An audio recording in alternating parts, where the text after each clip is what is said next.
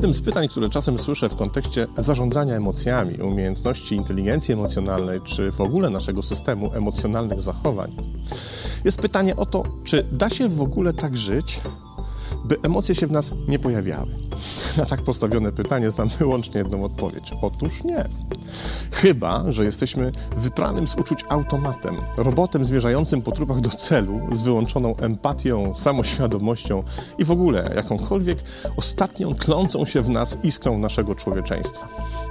Nie znam ludzi, którzy nie odczuwaliby żadnych emocji, choćby nawet chcieli ten fakt jak najgłębiej ukryć za zasłoną wstydu, udawania kogoś, kim się nie jest, czy próbą wywarcia wrażenia człowieka skały.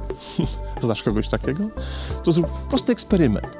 Nagle i zupełnie niewinnie zwróć mu uwagę, że ma szpinak między zębami. Zobaczysz wtedy, czy na pewno jest taki twardy, jak stara się wypaść. Wszystkich nas dosięgają emocje. Ja również czasem się zezłoszczę, czasem rzucę mięsem, czasem czymś poczuję zażenowany, rozczarowany, czy nagle wzbiera we mnie niechęć do kontynuowania jakiejś znajomości. I powiem więcej. Wszystkie wymienione uczucia wraz z całą masą innych powinny się w nas pojawiać, bo świadczą o naszej wrażliwości. A to akurat wcale nie jest negatywna cecha. Problem z emocjami jednak leży w czymś innym. Nie w tym, że w ogóle się w nas pojawiają, ale w tym, co się w nas dzieje w następstwie ich pojawienia się. Jak się czujemy, co myślimy i w końcu jakie podejmujemy działania. Nie jest zatem problemem to, że jakaś emocja się w nas pojawia, ale wyłącznie to, jakie nasze reakcje wzbudza. Czy są one dla nas i dla otoczenia destrukcyjne, czy też nie? Czy to one przejmą władzę nad nami, czy też my nad nimi. Jaką dla nas mają wartość i na jakim poziomie energetycznym działają? Czy dodają nam energii, czy też jest, jej nas pozbawiają? Niestety w wielu znanych mi wypadkach pojawienie się emocji w ludziach powiązane jest z negatywną energią. W reakcji na nie często niszczymy sami siebie i zrażamy sobie do siebie innych, a także podejmujemy kompletnie irracjonalne decyzje, których potem żałujemy. Dlaczego tak często pojawiające się w nas emocje przynoszą tak niekorzystny efekt? Dlaczego nie potrafimy sobie z nimi radzić? Lub też odkrywamy, że poradzenie sobie z emocjami jest tak trudne? Otóż zarządzanie własnymi emocjami nie należy do łatwych zadań z dwóch głównych powodów. Pierwszym z nich jest pewien efekt opóźnienia, na który niestety nie mamy wpływu. Efekt ten jest odpowiedzialny za to, że nie jesteśmy w stanie namierzyć dokładnego momentu, pojawienia się w nas emocji. Nie zdajemy sobie sprawy z tego, w jakiej konkretnie chwili emocje się w nas pojawia. Sam moment pojawienia się emocji pozostaje poza, poza naszą świadomością, zaś jedyne, co możemy zrobić, to zorientować się, że znajdujemy się w jakiejś emocji, kiedy to już nastąpi. Wtedy, kiedy ta emocja już w nas jest. Szkoda, że tak się dzieje, bo gdybyśmy potrafili przewidzieć moment, w którym odpali się w nas emocja, to sam ten mechanizm musiałby wpłynąć na znaczne zmniejszenie jej wartości. Wyobraźmy sobie kogoś, kto rano przed wyjściem do pracy mówi: Dzisiaj zobaczę się z Iksińskim i na 100% znowu mnie tak wkurzy, że nie będę w stanie racjonalnie myśleć. Ktoś taki, przewidując dokładne okoliczności i moment pojawienia się emocji, mógłby się przecież do tego momentu znakomicie przygotować. Ale już sam fakt posiadania wiedzy co do tego, że taka emocja ma wystąpić, musi mieć znaczny wpływ na jej obniżenie. Przecież jeśli przewiduje, że po zobaczeniu jakiegoś internetowego materiału, w którym jakiś skaczący po scenie koleś krzyczy jesteś zwycięzcą i czeka na ciebie Ferrari, czyli materiału, którego nie da się już odzobaczyć, będę tym, co widziałem zażenowany, to no właśnie, co wtedy? Wtedy logicznie rzecz biorąc, mógłbym zrobić trzy rzeczy. By oszczędzić sobie emocji, mogę zaniechać oglądania tego czegoś. Mogę oglądnąć to z odpowiednim dystansem, z góry zakładając, że to mnie i tak nie poruszy, albo też, i to jest trzecie wyjście, mogę polecieć jak ćma do świecy, by masochistycznie samemu sobie zrobić przykrość. Jak widać na powyższym przykładzie, umiejętność zarejestrowania momentu powstania emocji mogłaby nam bardzo pomóc. Niestety, tak się w większości wypadków nie dzieje, bo emocje odpalają się w nas poza naszą świadomością. Jedyną więc drogą do dostrzeżenia jest zdanie sobie z ich działania sprawy wtedy, kiedy już działają. A wtedy na przeszkodzie prawidłowego zarządzania naszymi emocjami staje drugi problem. Bo oprócz braku umiejętności dostrzegania emocji w momencie ich powstawania, czy też przewidywania takich zdarzeń, istnieje jeszcze zjawisko silnej identyfikacji. Ono powoduje, że jest nam trudno zobaczyć siebie chłodnym, zdystansowanym okiem w sytuacji, w której znajdujemy się w emocjach. Bo znajdujemy się właśnie w emocjach. Kiedy przemawia przez nas złość, trudno jest powiedzieć sobie: Oto przemawia przeze mnie złość. Bo to, co chcemy w takiej sytuacji przede wszystkim zrobić, to dać upust tej właśnie złości. Identyfikacja emocjonalna powoduje, że w sytuacji emocjonalnego uniesienia pierwszeństwo zawsze oddajemy temu, do czego pcha nas ta emocja, a nie temu, by racjonalnie się jej przyjrzeć. Kiedy poddamy się działaniu tego pierwszeństwa, zawsze przegrywamy.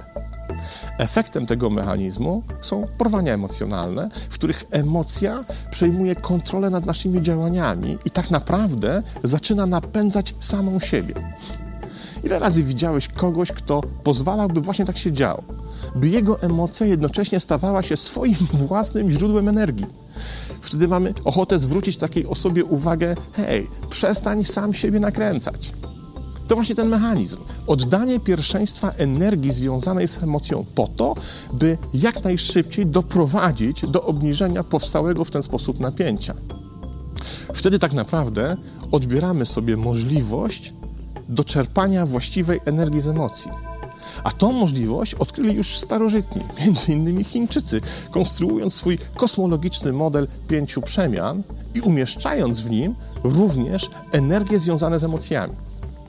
W tym modelu każdą pojawiającą się w nas emocję traktujemy wyłącznie w kategoriach informacji.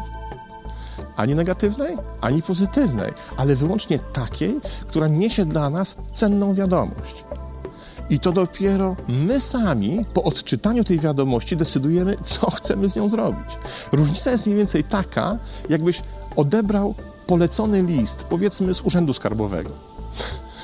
Pierwszym odruchu wkurza cię sam fakt otrzymania listu i pozwalasz, by to wkurzenie w tobie rosło, zanim jeszcze otworzysz kopertę. Można by powiedzieć, że wówczas wściekasz się nie na treść listu, ale na sam fakt jego otrzymania. W drugim przypadku najpierw otwierasz kopertę, czytasz list i dopiero potem decydujesz, co z tym zrobić. Może się przecież okazać, że to niewinna wiadomość od urzędnika, która nie niesie dla ciebie żadnych negatywnych konsekwencji i dokładnie taki mechanizm proponują starożytni Chińczycy. Najpierw przeczytaj wiadomość, a potem podejmij decyzję. Kiedy więc pojawia się w nas jakakolwiek emocja, to pierwsze, co powinniśmy zrobić, to zadać sobie pytanie, jaka z faktu pojawienia się tej emocji płynie dla nas informacja. Powiedzmy, że mam do zrobienia jakiś ważny projekt i kiedy do niego przystępuję, pojawia się we mnie obawa, czy dam radę, czy to się może udać, czy wszystko będzie ok. Czego dowiaduję się zatem z faktu pojawienia się we mnie lęku? Na przykład tego, że powinienem włączyć przy tym projekcie szczególną ostrożność.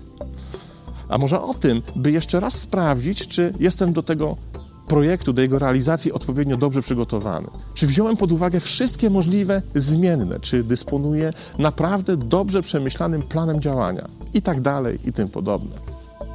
To mniej więcej tak, jakbym mówił sam do siebie: O, pojawił się we mnie strach.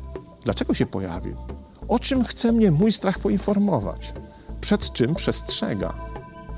To postawa, w której nie nadaje swojemu własnemu strachowi żadnej emocjonalnej wartości. Nie jest dla mnie ani pozytywny, ani negatywny. Niesie wyłącznie informację, z której powinienem skorzystać.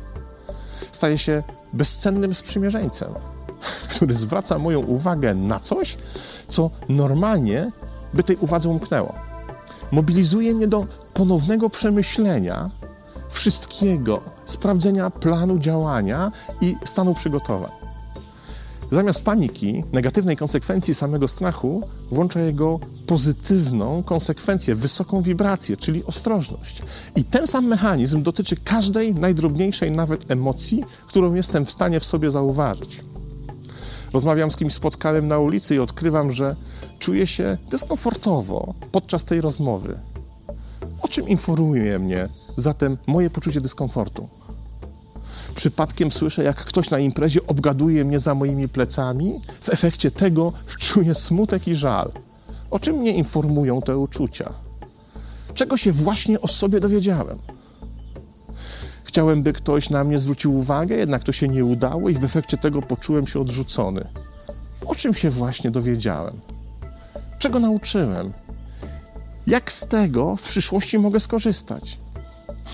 Mimo iż Chińczycy i pewnie e, nie wyłącznie oni wymyślili to tysiące lat temu, nie przeszkadza to temu, by ten model w naszych czasach był niezwykle przydatny i użyteczny w zrozumieniu mechanizmu naszych emocji.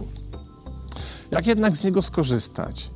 Kiedy z naszymi emocjami e, wiążą się dwa problemy, o których wspomniałem wcześniej: niemożność przewidzenia i namierzenia momentu odpalenia się emocji oraz identyfikacja z emocjami, która w trakcie ich trwania przesłania nam racjonalne spojrzenie. Jedynym sposobem jest włączenie do tej gry bardzo ważnego motywatora, a mianowicie ciekawości. Przecież to bardzo ciekawe, że nasze emocje o czymś nas informują. Czyż nie jest to fascynujące, by sprawdzić o czym? Dzięki temu jesteśmy w stanie odkryć zupełnie nowy świat i wkroczyć na nowy poziom emocjonalnego funkcjonowania. A wystarczy tak niewiele. Wystarczy obserwować siebie i w sytuacji, kiedy uda się odkryć istnienie w nas jakiejś emocji, zadać sobie pytanie o treść wiadomości, którą w ten sposób otrzymujemy. I dopiero po jej odebraniu podjąć decyzję, co dalej zrobić. Spróbuj, a szybko odkryjesz, że samo pojawienie się w tobie emocji nie wiąże się z niczym destrukcyjnym ani dla ciebie, ani też dla nikogo wokół. To dużo lepsze niż udawanie, że emocje nas nie dotyczą, że jesteśmy na nie odporni i nic nigdy nie może w życiu nas poruszyć. Pozdrawiam.